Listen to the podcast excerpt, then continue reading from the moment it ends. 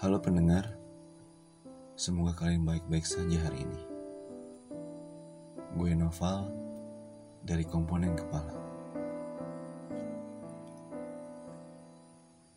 Orang ketiga, salah satu tren yang mungkin sedang banyak dialami orang di luar sana. Menurut gue menarik sih, di episode kali ini bermonolog soal orang ketiga. Tapi yang banyak terjadi, biasanya di mata orang-orang tuh, stigma dari orang ketiga ini negatif. Atau bahasanya kayak jahat banget, merusak hubungan orang lain. Tapi ya itu kembali lagi ke persepsi masing-masing. Bagaimana menyikapi ini semua. Tapi untuk episode kali ini, gue nggak sama sekali menyudutkan perspektif si orang ketiga ini Melainkan gue cuma berasumsi aja soal ini. Nah, menurut kalian kenapa sih orang ketiga itu ada di sela-sela hubungan? Yang menurut gue, dalam menjalin hubungan, ada kalanya hubungan gak berjalan sesuai dengan keinginan. Terkadang suka berbeda ekspektasi dan realitanya. Dan banyak faktor juga sih kenapa adanya orang ketiga ini. Ya mungkin salah satu di antaranya bisa dari kurangnya perhatian satu sama lain. Jenuh sama hubungan, atau bahkan bisa dari hubungan yang LDR. Nah, biasanya banyak nih kasus orang ketiga itu lahir dari hubungan LDR. Karena LDR tuh dipisahkan oleh jarak dan jarang bertemu juga satu sama lain. Bahkan hanya bisa bertatap muka lewat sosial media atau terkadang hanya catatan selayaknya orang menjalin hubungan. Makanya gue salut sih sama orang-orang yang kuat menjalin hubungan LDR. Karena bagi gue itu sulit banget kayak menahan rasa ingin bertemu atau melepas rindu satu sama lain.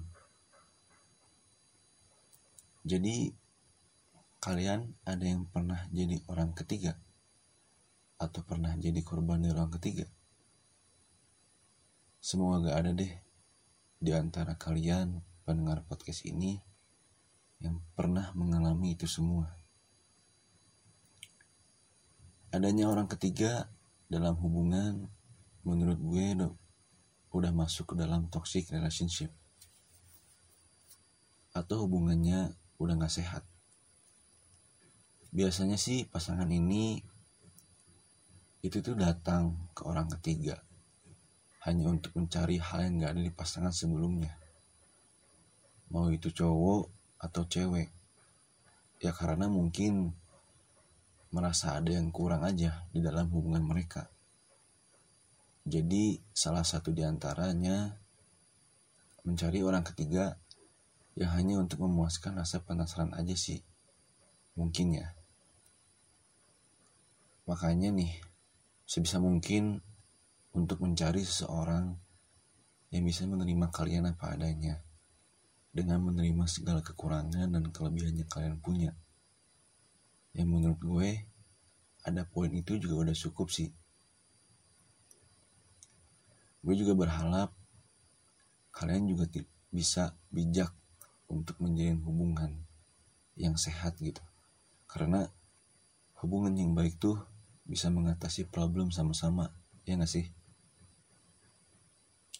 Nah saran gue jika kalian terjebak dalam hubungan yang toksik ini lebih baik dibicarain dulu dengan pasangan kalian. Karena kalian yang paham pasangan kalian dan kondisi hubungan juga.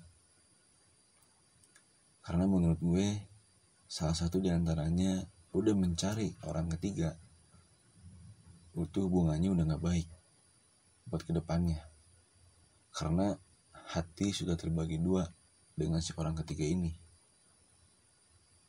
Ya karena memang di zaman sekarang ini agak sulit untuk mencari seseorang yang bener-bener gitu menerima kita apa adanya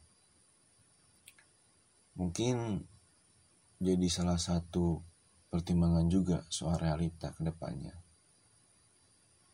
karena menurut gue kebahagiaan itu nggak melulu soal finansial tapi bahagia itu bisa dibentuk dengan cara yang sederhana untuk seseorang yang paham apa itu konsep hubungan.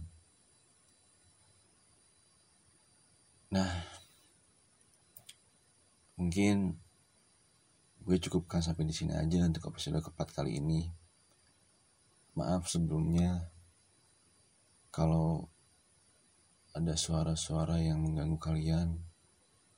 Gue juga berusaha untuk menutupi itu semua. Anyway, semoga yang sedang menjalin hubungan saat ini pasangan kalian gak mencari orang ketiga.